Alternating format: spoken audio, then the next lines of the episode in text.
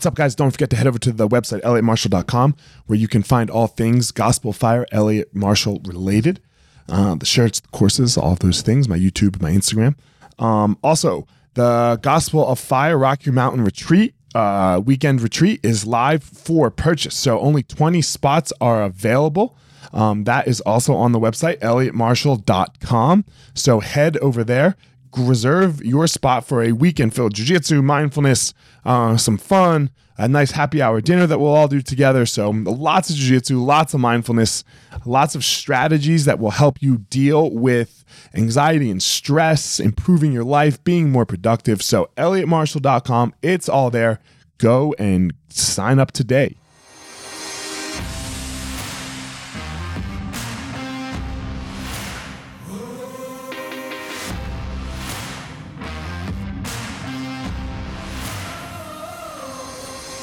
What's up, my ninjas? This is former UFC fighter Elliot Marshall, and this is the Gospel of Fire, where we are going to learn how to go into the fire so that we can find our power and live the best life possible.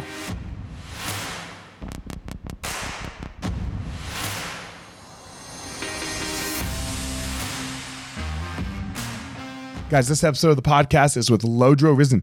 Um, Lodro is a Buddhist meditation teacher. Uh, I always love these ones because I'm such a beginner. I'm, I'm so unskillful kind of at Buddhism and meditation, but I practice and I try. And these ones are really great. He explained something to me that I have not been able to have explained to me, uh, and I don't want to ruin it. And he explained it in two minutes. And it's a very difficult concept, and it was it's something that I haven't quite been able to grasp onto. So, and he knocked it out of the park. So, uh, I don't want to ruin it anymore. Without further ado, here we go, Lodro. Lodro, how are you, man? Good to see you. I am well. How are you doing? I'm doing well. You know, this is uh, we were just talking offline. This is the first podcast back uh, after the fires in my neighborhood, and um, so yeah, uh, yeah, first one back. My house is still here, so I'm very happy. yeah, and you know, my heart goes out to everyone who has been affected by that. It feels like these days there's just. I, I was actually thinking about this that we had we didn't used to have like wildfire season. right, like that feels like that is of our generation. That's like, oh well, this is the season where there are. The crazy thing is, is in Colorado yeah. right now, it's not. It's it's December, right? right? It right, could have snowed. And I mean, it's and crazy. The fucked up thing of the universe was it dumped a blizzard the day after. 12 hours after. So if it would have happened 12 hours before, there would be nothing. Uh, you know, so yeah. but what can you do? The universe gives you what it gives you, right? Yeah, that's true. So man, let's get into you. Enough of enough about the craziness of of, of my life currently. Um, man, I was super upset that I missed you that one day with the kids. Um, and I was super because I was very looking forward to talking to you because um, this Buddhism adventure of mine, I call it, uh, is very interesting. And I know you are really into it. So um, tell us a little about yourself to start with. Sure. Yeah. I mean, so I myself was raised Buddhist. So I started meditating okay. when I was a kid. Wow. um, amazing. Yeah. So I was about, you know, six years old. And it wasn't one of those things when it's like magically, you know, my parents took me to it. It was just sort of in the environment. And I think, you know, for people who are parents out there, that's always an interesting thing of like, what are we putting out to the environment? And for my situation, it was just something that my parents did and something I just sort of mimicked and and they found me meditating at one point. And how nice how, thing, how, long would you meditate when you were six years old? Like, what oh, it's just like? for a few minutes here and there. It wasn't okay. a big thing, and right. mercifully, they didn't treat it like a big thing, like okay, weird or any of that. It was just something that you know they did, and now I did, and uh, I started doing like weekend meditation retreats when I was more around like 11 and then started doing longer and longer stuff in my teen years and so on and so forth. So by the time I actually got to university, I had done some long retreats. I had done a very short stint in as a monastic. And, um, you know, at that point, I was invited to do a teacher training. So I've been teaching okay. meditation at this point for the last 20 years. And, so this, it, um, it, it, this kind of just was your life. It didn't happen upon you. Right. Yeah. And that's the thing, you know, you often, find people who are like, well, here's the moment that my life fell apart and I realized I had to make a big change. And so I started meditating. And that, I mean, I hear that story all the time and that is 100% That's my story. valid. Yeah. And I'm just a little bit of an anomaly in that, you know, yes, my life was falling apart, but I, but I had started meditating before that. I mean, so let me ask you a question: Has your life fallen apart? Because everyone's life falls apart. I mean, I think that's just part of life, right? Like, right? Not, yeah. I, th- I think the classic story is, oh, I got to you know this pinnacle in my career and realized it wasn't worth it, and I was burning my body out, so I started meditating. That I see that one a lot, and right. that I've never done that. Okay. Um, that's for sure. But you know, life happens. You know, I've had all the shares of heartbreak and death and you know, all despair, despair in one's life that one has. So I mean, that's part of life. Like I don't. I think that's the thing that I think many of us are like, well, I want to just get to the point where I can transcend that or not be a part of it. Like, well, good luck. I mean, if you can find that out, you know, you lead you lead the meditation class because I don't. I've never been able to find, and I don't know who has, someone who's able to just transcend and not experience the you know aging sickness death and so on that life brings that's just a part of life and that's something when we talk about buddhism like that right there is just something that the buddha taught. It's like you know try and prove me wrong. And it, you can't. So he's like okay in that case you can take this on as your own experience. It's not as you said right before you started like this is not a religious thing. Buddhism. right. It's this thing that you might call it a religious tradition because people practice the same sorts of things over hundreds to now thousands of years. But it's not a thing where um, there's anything religious. He really had this thing of like, well, I'm going to offer some thoughts. You met, test the metal of them. Impermanence. Everything's impermanent. Find me something that's not. And then, like, all the students would go, huh, yeah, I guess I can't find something that is forever lasting things come together and they fall apart. Okay, what's next? You know, it sort of was like you that. can even take the religious point of view and be a Christian Buddhist, right? Like for you know, like there, there's plenty of them yeah. where, you know, for because for them they would, you know, a Christian would say, well, God is impermanent, right? Like He's always here, but then after Him, everything's everything falls apart, right? Or I'm sorry, God is permanent, you know. So yeah, I mean, look, I mean, it, it's a portion the, of it. It's I mean, like I, I I disagree on the first premise, but uh it's still... I do think that you know there are times like to answer your initial question yeah, yeah, like i know all sorts of people that are like my relationship with christianity or with jesus and it, it's sort of like it's almost like this is an internal thing like i realize the divinity within me mm-hmm. and that doesn't feel in conflict with buddhism and so on and so forth and that makes complete sense to me but yeah i mean i think if you know with the buddha at one point was asked like is there god like is there one god that's permanent the buddha just was like i'm not going to talk about that because that doesn't feel particularly relevant like if you can prove to me that there is something permanent out there, bring it before me. And if you right. can't prove that, that you, you're just sort of like a scientist in mm-hmm. that way, which was not to negate anyone's beliefs or anything, but he was like, let's just talk about what we know to be true. And let's just, you know, like let's let's focus our attention on that. So I think that sort of scientific approach is actually really interesting. Yeah, I mean, I agree. That's why it works for me because uh, the other ones have not, because there comes to this uh, the the the Buddhism view on suffering, you know, is, is what does it for me because life is suffering. And I can't I can't uh I can't uh what is the word grasp how there could be a, a beautiful all-loving God and there be suffering. So that I've never been able to to do that for myself. And I know other people can, and I'm not trying to convince anyone here. But that's why the Buddhism and the Stoicism, you know, because they're, they're I, I feel that they're very close, you know, none not religious in, or any in, in either nature. They they work really well for me, you know, because it's just put it in front of me and I'll handle.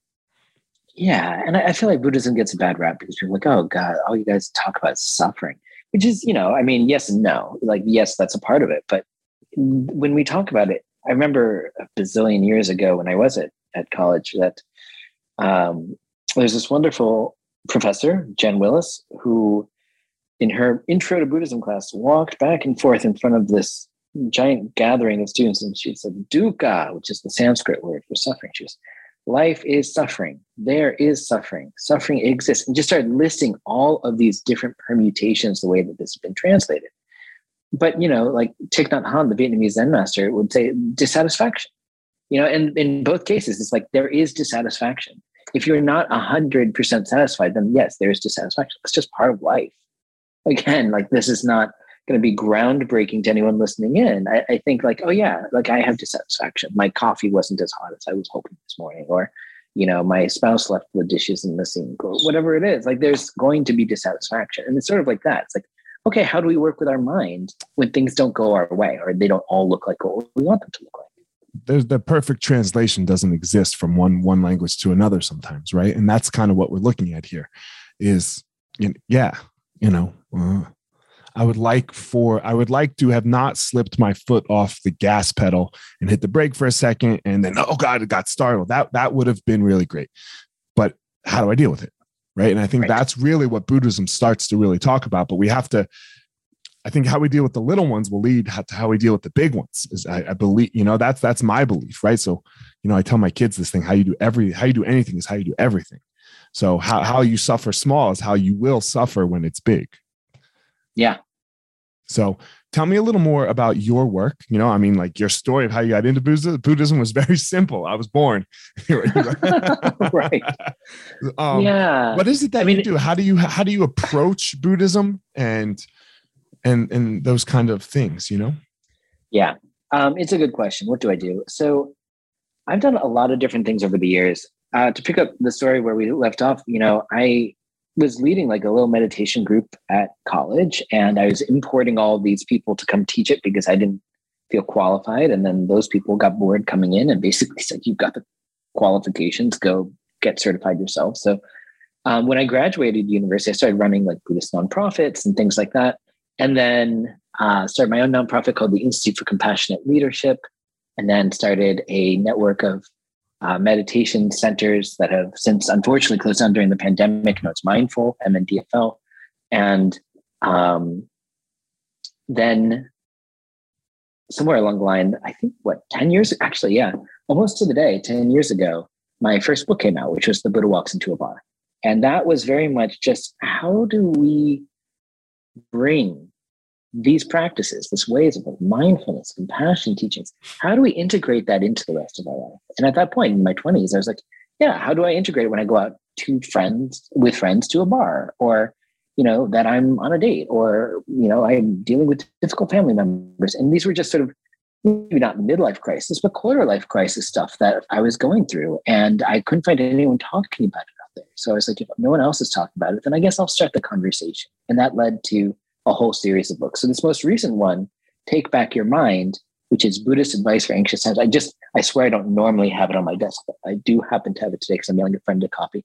Um, you know, this is the seventh book, and it's just about how we work with our minds because so many of us are plagued by anxiety at this point. It's just taken over um, in ways that I don't think previous generations necessarily had to grapple with anyway so what do i do i i at this point in the last few years have really built an online meditation community for people that want to study more with me. Um, we do long programs like uh, we're about to launch into our five month Buddhist immersion, which is just tip to tail everything you would ever want to know about Buddhism. I still run mindfulness teacher trainings, things like that.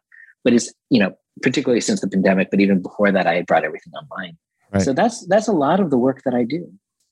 Interesting. I just actually ran my first retreat when I was on vacation. I started with a retreat, and we we did mindfulness and and jujitsu. So I, I combine yeah, the two because I, I, love them. You know, I feel that they're very similar.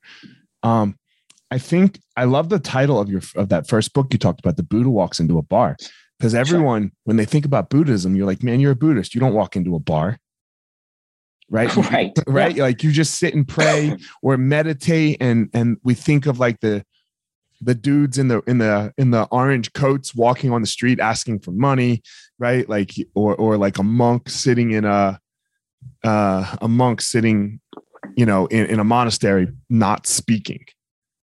Mm-hmm. You can't be a Buddhist unless you do those things, right? right. So why would the Buddhist yeah. walk into a bar, man? Yeah. So I mean, why would the Buddha? Why would one. the Buddha walk into a bar? Sure. Um, so you know, this is something that I've definitely grappled with in the last 20 years, although I would say even before when I was just, you know, I wasn't even teaching, I was uh, solely a meditation practitioner, that the way that meditation has been presented here in the West is often a little bit skewed through the lens of Hollywood and um, magazine covers that are just trying to sort of show off as is everything like yoga right? bodies. Exactly. So right. we are at an interesting time. You know back in the 1950s i mean you'll relate to this from a from a fitness point of view. Like someone turned to you in the 1950s and you're like i'm going to go for a run. You'd be like who's chasing you? What's going on and now, of course, like exercise and the need for exercise and the benefits of exercise are just so baked into our society that we all have you know 10,000 versions you know later on i'm going to go to crossfit. That didn't exist back then. Like you know it's just like the, we all have our things. Right. So i think we're going to see something similar with mental health and meditation where we're just at that point where people are like why are you sitting down? Is something wrong with you? Or you know like but you're not a monk uh, or any of these things. It's just these very common misconceptions that it just it's hitting the mainstream but we're at this sort of learning curve where people are starting to say oh it's not what i thought it was. And um, all of the things that you mentioned like you just mentioned a bunch of really normal stereotypes that people might think of when they think of meditation when in fact it's just it's a practice that's been around for thousands of years. Um, particularly in the buddhist tradition mindfulness as we know it now in the west has been around for thousands of years and it's as simple as sitting down and following something like the breath noticing when you get distracted and coming back to the breath. Is simple as as all hell. So it's like this is not a complicated practice. It's right. Uh, it's really so easy lovely. right because people people go i can't meditate. My thoughts go everywhere. I'm like yeah that's that is the point. Like the point is for your thoughts to go everywhere and then you you come back to the breath.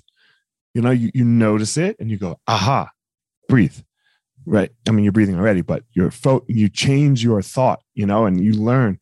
It's such an important skill in my opinion. Um i know it it's is. helped and me so much. Why do you yeah, why do you I, think that idea of noticing and coming back? Go ahead sorry i cut you off. Yeah I, and I, promise i'll come back to your original question uh, okay. about the book title. But you know i'm jumping ahead to the new book no it's just, okay. I don't it's, it's that sense of like you know every time that we're meditating and we acknowledge that we're drifting off into thought, maybe it is anxiety producing thoughts. What do I need to do later? What if this happens? We acknowledge it, we cut it, we come back to the breath. We're literally rewiring the brain. Like people want this to be a quick fix. So when I said earlier, you know, like all these stereotypes and misconceptions, that's one of them that I should be able to meditate for 10 minutes. You've seen this happen all the time.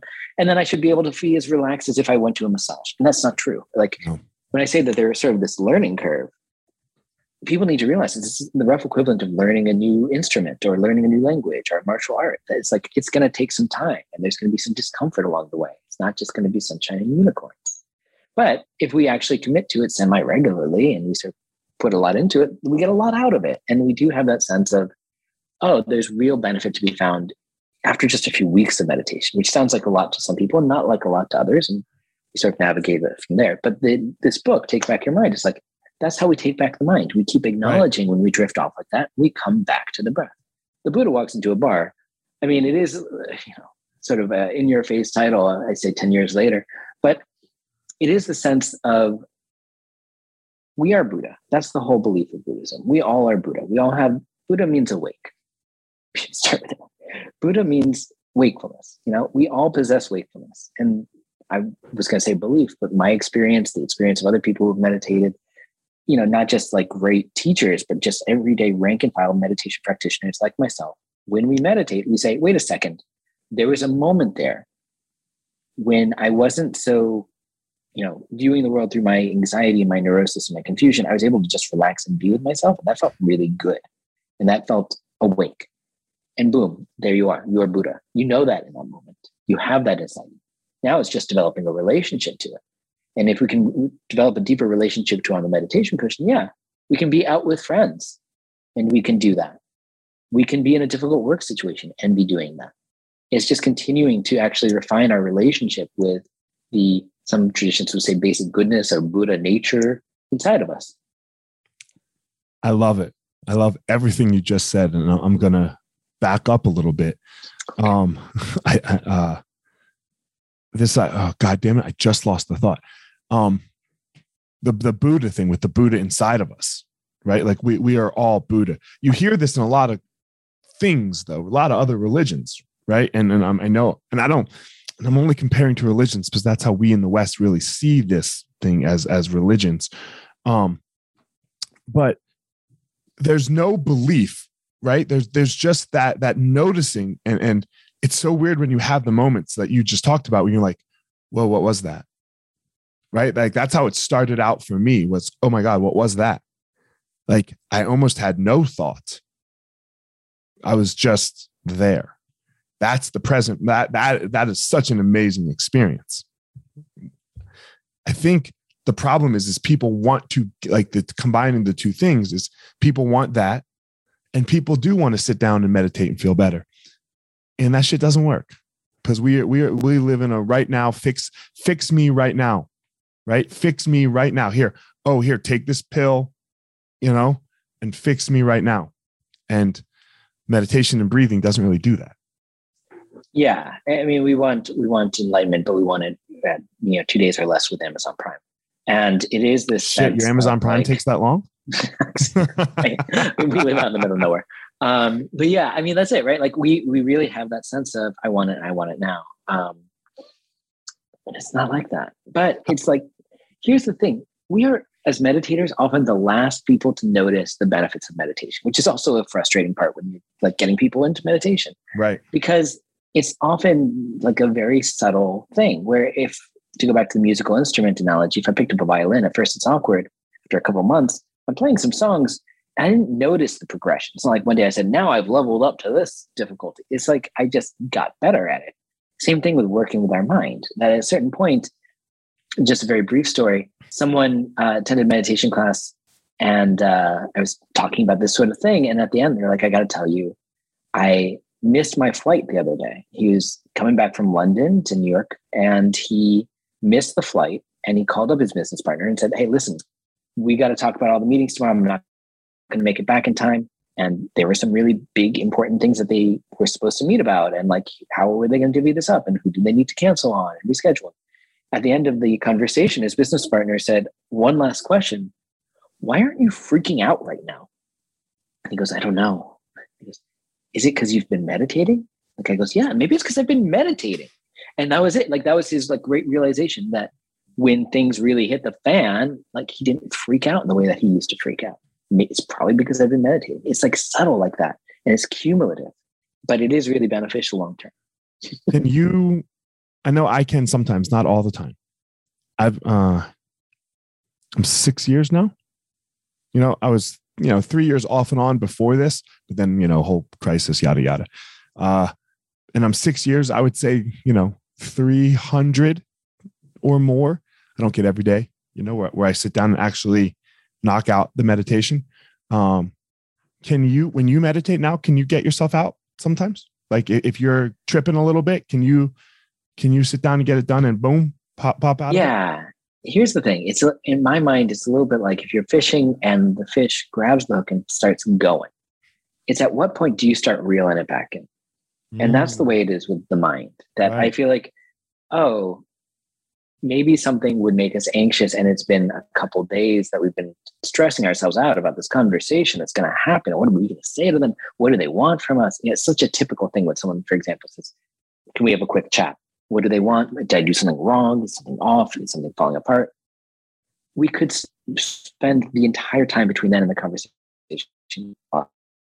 anxiety many of us do what if we only lost a day to that? And then we started catching ourselves saying, no, I'm not going to do this. What if it was only a couple hours? What if it was a couple minutes? What if we start catching ourselves right as it arises and say, oh, I don't have to go down the rabbit hole of this type of thinking. And again, are just, it's quick. We're just getting quicker to reel that fish in.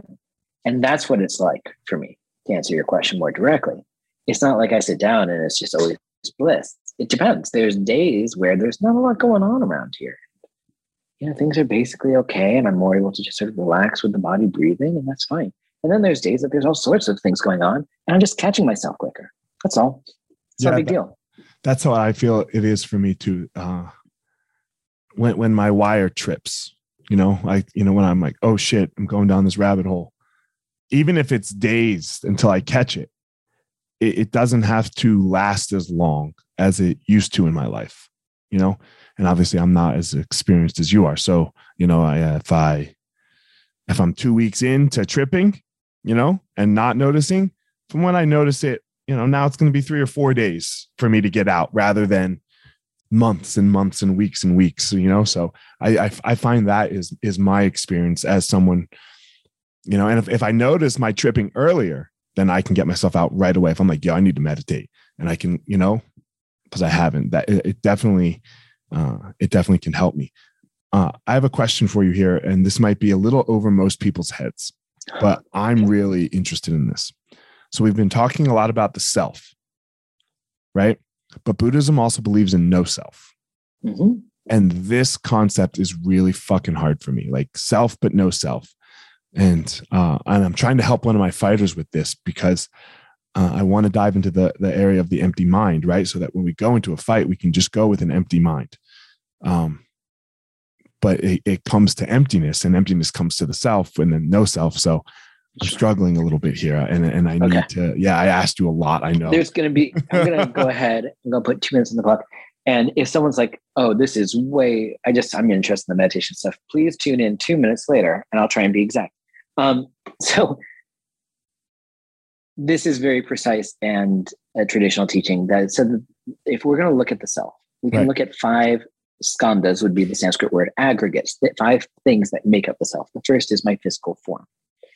I am not the same Lodro I was 10 years ago, 20 years ago. We we know this about ourselves. Right. Right. So the body's constantly changing. If I lost an arm, would I still be a Lodro? Yes, of course I would still be a Lodro. I would think of myself as such, but the body's constantly changing. It is not one set thing, even if I think it is. The second would be um, our uh, feelings, like if our feeling perception, our sense of like, oh, I like this thing, I don't like this thing, I ignore this thing. They're constantly changing. You have a friend that you really love, and then you have a falling out, and you really don't like them. It's just these things constantly change. Right. So all of our emotions. If I said, "What were you feeling emotionally this time three weeks ago?" You probably wouldn't know because it's changed. So that if I said, "I'm angry, Lodro," "I'm happy, Lodro," whatever, I can't cling to that too tightly because they're constantly changing. So where's that? Sense perceptions is the third. Where is the sound that you're hearing right now? Not to sort of boggle everyone's minds, but like, is it in my mouth at this time? Is it in their ear when they are hearing it? Is it somehow in the Zoom that we are recording on? Is it where where does it exist? Exactly. Is it in our brain? Where in the brain? How? You know, like I'm speaking it now. When are you hearing it? Um, so we can't get too attached to what we perceive through our sense perceptions. And the last two are our mental formations, our thoughts. We can't get too attached to our thoughts because they're constantly coming and going. And the consciousness that I is this sort of piece of Lodro that says, I'm a Lodro, even though none of those things are actually as permanent and solid and real as I think. So that's two minutes on the clock. But when I break it down, like what is a Lodro at that point? It's just this conglomeration of things that are constantly changing. That's all. So that's what no self is. That was really fucking good. Thanks. I've been doing this for a long time. And then we start looking, when we talk about emptiness, it's emptiness of self, what we just talked about. And then there's emptiness of other. What is this? We think of it as a water glass. It's for people who are just listening, like I'm holding up a water glass. But you know, if you can imagine that, if I put flowers in it, you say, what a nice vase. right? We're just conceiving of these things. We're just sure, it's the same thing. Right. judgments Right. on these things. Yeah. That's the same thing. Right now, you're going to take a sip of water. If you had flowers in there, it wouldn't be a water glass. It'd be the same thing. You would just put flowers in there. You, there's no way you would drink that water because it'd be dirty. So it's, is I'm it just- a water glass? It's it's only what I make it to be with my mind. That's all. I'm ah. it's water glass, it's a vase. You know, I, I turned it over and it made it into a hat. It's a hat. And then you would have to agree because it's on my head. Like it's just the, this is how we view the world. And of course, if I dropped it, is it no longer a water glass? It's the same pieces of a water glass, but it's now shards. You know, it's like we just it's we cling to so many titles and things. This is the way it is. This is the way it's not. And then Everything because so of that, we put than that. expectations on that. We put, and that's, and this is where everything goes bad, right? Is when, when we expect somebody or something or even us to do a certain thing a certain way and then it doesn't happen. And then it all falls apart. That's it. Right. And I mean, the more we sort of get really clingy with our attachments, as everyone who's been in a relationship knows, the more we set ourselves up for failure. Right. Like Mhm. it has to be like this. They have to do this. And then they let us down in some very minor way. We say they're not who I thought they were. Right. Because we came up with a really solid idea of who we thought they were instead of actually looking at who they are. I used to work with this coach, uh, and he talks about this thing called the pit and the pedestal because we love to put people on the pedestal and then we love to tear them down from it. And when we tear them down from it, we don't just like bring them down. We don't just like have them step off. We put them all the way down there in the pit. And they can't, you know, uh, because neither one are true, right? The duality of things. True. The, the pedestal is not true, but neither is the pit. Like, uh, as bad as you might hate someone, like who, I mean, he's hated and loved. Trump, right? Like Trump is probably the most loved and the most hated person in the whole world. Uh, and is either one really true? That's a great question. And I, I, think that's right. And I think people will be like, well, here's why I defend my position that he is one over the other. And right. I think the more interesting thing for me personally, uh, coming from the Buddhist lens, is can I recognize this person's humanity either way? Mm. Can I just like, does this person like their dog? I like my dog. I know how I feel about my dog. I bet that I bet they do too. You know, like actually starting to find ways that they I don't remember if he has a dog, but you understand the point. No, I, this yeah, is, for know, sure. Like, can we find inroads so that we actually seek to understand another human being instead of just making them into a caricature one way or another? I'd have to say that's what as, as far dealing with myself is the number one thing that Buddhism has given me, and then dealing with others, uh, and and finding space for others when they don't live up to my expectation. What what you know, like of going back to the what what you just said, finding trying to find some common humanity, you know, is yeah. is a is a really big one. Um, man, when you're looking at the world and and dreaming big, what does your dream look like? What is your like in business they're called BHAGs, right? Big, hairy, audacious goals. You know, yeah. what what do you wish for like is on on this spiritual route? Yeah, it's so interesting. I, I feel like I should actually envision these sorts of things more. Um, I mean, I know for me personally, like I have just moved towards greater simplicity in my life, and that has brought me so much contentment and joy. Um, like I know what matters to me at this point in my life. I know it doesn't, and it's actually continuing to direct my mind in both those directions. But then when we get into like what would I hope for humanity, is not entirely dissimilar. And you know, I, maybe it's just because it's you know winter and it's cold and it's dark, and I, am just hearing so many people being like, and all I do is stare at screens. Um, I, I wish for greater connection for us, and I wish, and I know we're in a pandemic, and there are great limitations on how we're able to connect. But I hope in the hopefully Omicron's going to get us out, man. I'm hoping Omicron gets us out, end. right? Because yeah because it's it's it's it's real weak. It's real weak and real contagious. So hopefully this gets us out and we all get it, and we have a cold for a day, and that's what it's looking like so far with Omicron, right? Like ah. But anyway, go ahead. Sorry. Yeah, I mean it's such a tricky situation because it's like we there's every time we think we know something, it turns out we don't. It turns out which is actually a great, you know, analogy for life. But you know, I had a lot of people in March 2020 being like, "How long is this going to last?" Like I would somehow be an expert you in know. that. It's like, I'm just a meditation teacher. And my answer was always, we don't know. And it doesn't seem like a lot of people know. And it's what an opportunity for us to get used to not knowing because we're never going to have, have, lack of opportunities to not mm. know. We're always going to have to face uncertainty in our life. And this is just definitely that. So, and that's the suffering again, right? That's the suffering yeah, again. That's the, the dukkha you said, right? It is. And I do think that there's something here um, but coming out the other end and, and, agreeing, like I, I do hope that we can come out and uh, reconnect more and, and feel that sense of connection. So I hope for greater connection, but also out of connection comes that sense of understanding that we were just talking about. And uh, I mentioned uh, the Vietnamese Zen master Thich Nhat Hanh earlier, and at one point he said, he's actually said this a number of points. Understanding is the other name of love, and that if we can't understand, we can't love. And I love that because it is this sense of when we make someone into a caricature, positive or negative, we are not understanding who they truly are. Can we seek to understand people? And that actually wakes up the heart and makes us feel more connected to them, but also more loving as individuals. And I think that's what we all want. Like there's we're done, we're done with divisiveness. Everyone is. Even people who are incredibly divisive are like enough of this, right? It, we want to feel loved and connected. Um, and I think that way through to that is probably not to get go from big goals to you know you know, five year plans, but actually really starting to seek to understand other people that we don't necessarily agree with. It's hard. It's really hard. It's really hard. Yeah, it's really, really hard. You can't, um, you can't like, you know, it, it takes you thinking about the politics of the world, right? Like, because right now we just, I, I can't, you know, I'm not saying I'm just using me as the person. I can't understand you doing this. And if you yeah. do this, then you're just bad right? If you voted this way and if you are, you know, for for mask mandates and or and you blah whatever it whatever it is, then you're just a bad human, you know. Um, I just sent a joke to my friends uh, because I, I, as I was I just got back from vacation and the gas prices are down. You know, and everyone was bitching and moaning about gas prices.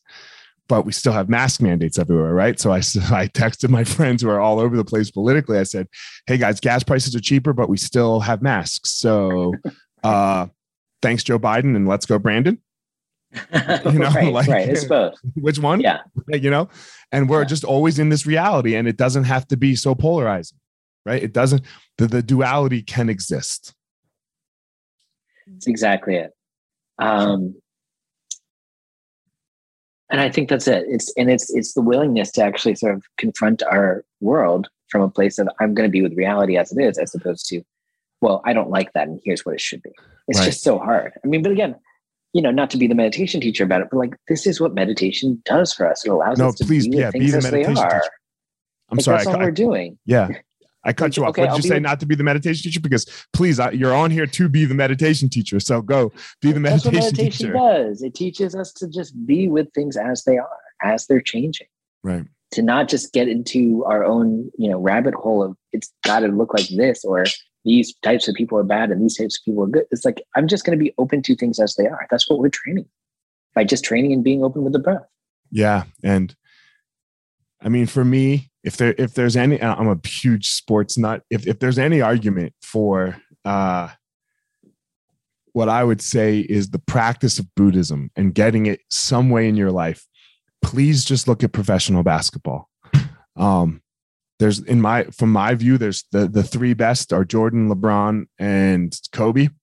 Uh you can't you can't get away from jordan being number one and uh, yeah we can argue about that later. And kobe and lebron you could interchange for me but two of those three were coached by Phil Jackson, who really stressed the idea of meditation and Buddhism and and the present moment, you know. And if you watch the the the Last Dance series with Michael Jordan, um, episode 10, they were they're talking about like Michael Jordan's greatest gift was not basketball. His greatest gift was to truly be in the moment, you know, and not let the past or the future dictate anything what he did on that basketball court. Yeah. And so, I mean that's it's it's a brilliant way to look at it. And that's it. It's like can I be with things as they are, not as I think they should be, not as I wanted them to be, not as they used to be, but as they are. As they and are. if we can train in that, that is the most useful skill we can probably have at this point. You know, not to like overhype the meditation. No, like, What else it. are we trying to do? You know, like are we just trying to space out throughout the most of our day? Or are we trying to be present for it? We're trying and to be look, open and available in our life. This is a good tool to have. And society as a whole has not known suffering before this year, before 2020. Sorry, right? Like this, that 2020 was the first year that like the globe was like, whoa, right? As yeah. There's I mean, been parts of it, you know, there's been parts right. of suffering, like pockets, and and some people have always suffered, but everyone, this is bad. This is not. I mean, it's good times for Jeff Bezos and Elon Musk, and that's about it right? And other than that, it's bad times. Pfizer, Moderna yeah. are making good money too. But like other than that, it's very difficult for us. And I don't know where I would have been without without this practice that I had already started. So because it helps you just deal with the time. Yeah. So. It is. It's it's a universal time in that way. You're absolutely right. right. That is there have been any number of, of you know horrible things that have happened in any number of countries but for a worldwide moment of oh like we're going through a thing together. This mm-hmm. is this is that this is that thing. And uh, it brings up so much fear and so much uncertainty. And i guess you know when i made that sort of big goal of connections it comes out of the fact that it's only made us more divisive which is a real shame to watch. Yeah, so i'm really... hoping we can turn it around. Um, I like to end with two questions here, Lodro.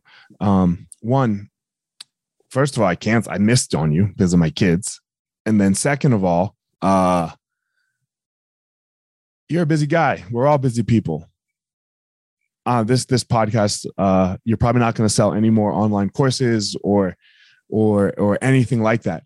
Why take the time to go on some random dude's podcast that, like, when you Google him, is is it presents fighter, right? Like it's pictures of me punching someone in the face. You know, wh- why take the time to come on the podcast? I mean, because I didn't know who you were. I mean, I I, I can look Everybody and can I Google, can see right. things like that. Sure, but I don't know who you are. Well, why would that ever be a deterrent?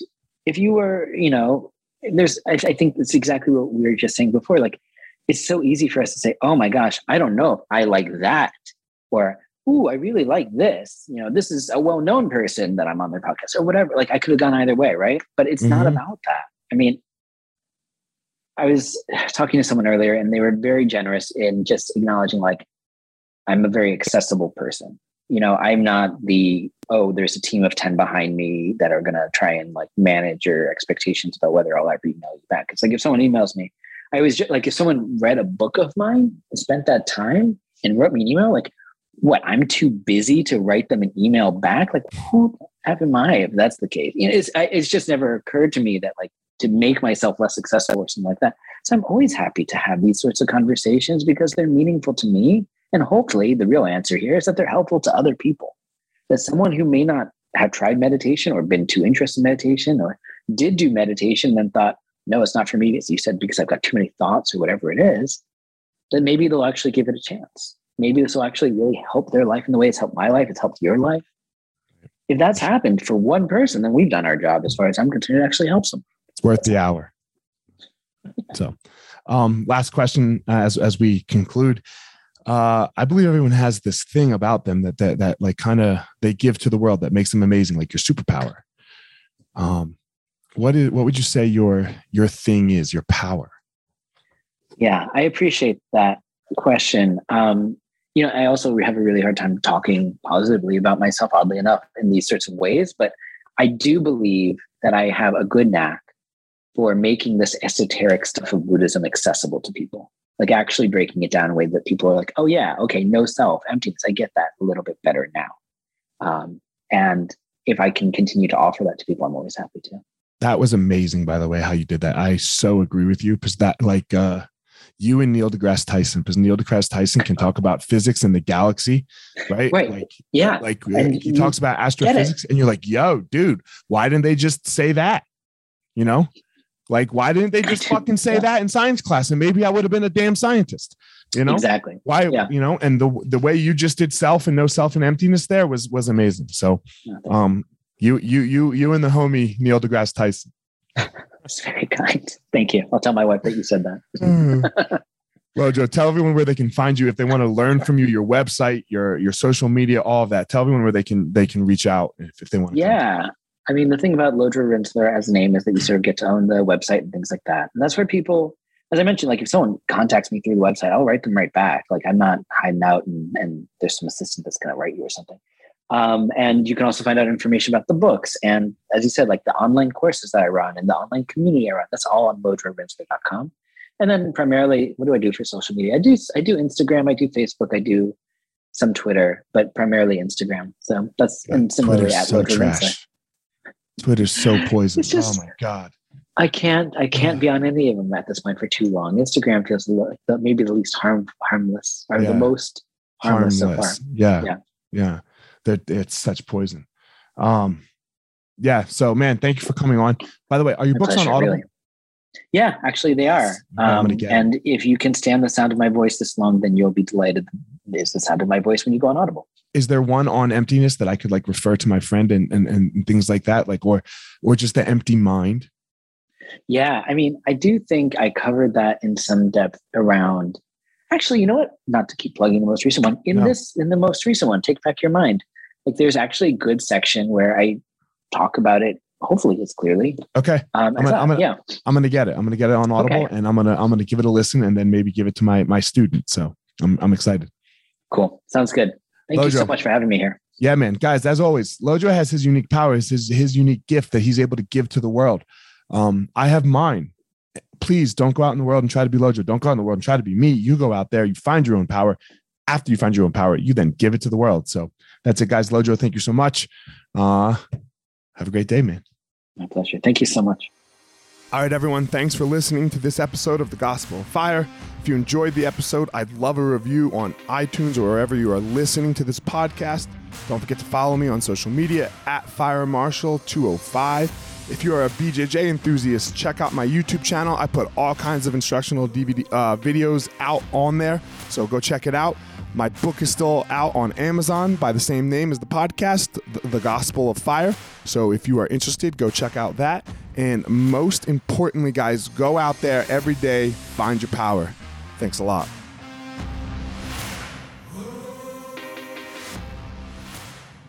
Guys, look, I get it. I totally get it. You opened a martial arts school, and man, it's kind of crushing you. There's all this other stuff to do other than teach, right? You love teaching. You love jujitsu. You love Muay Thai. You love karate. Whatever it is you're you're teaching. And man, but there's all this other stuff. There's there's the front desk. There's there's taxes. There's curriculum. There's cleaning. There's there's problems, staffing, covering. Whew, man, it's so much. It's so much. Well, let me tell you, uh, we have started what's called Easton Online, and Easton Online is here to solve all of these problems for you. Easton Online is a digital academy for martial arts school owners and managers. Will help you establish or enhance your business with best practices. Most importantly, we're going to help you get back to what it is that you love most teaching and doing martial arts. Okay, so for more information, guys, go to easton.online. Again, that's easton.online. Add your email. You're going to get notified about the course launches. Our first course is going to be all about the first impression specialists, your front desk, and all kinds of stuff, special offers, promotions, as well as we started a podcast by the same name, Easton Online, that's going to talk about our process of how how we went from a tiny little martial arts school to what is now seven martial arts schools, seven Brazilian Jiu Jitsu Muay Thai schools, um, in a very holistic way that we believe um, kept the integrity of the art and also deals with its people very well. So again, Easton.online, enter your email and you're gonna get all you're gonna get everything you need right there. So thanks, guys.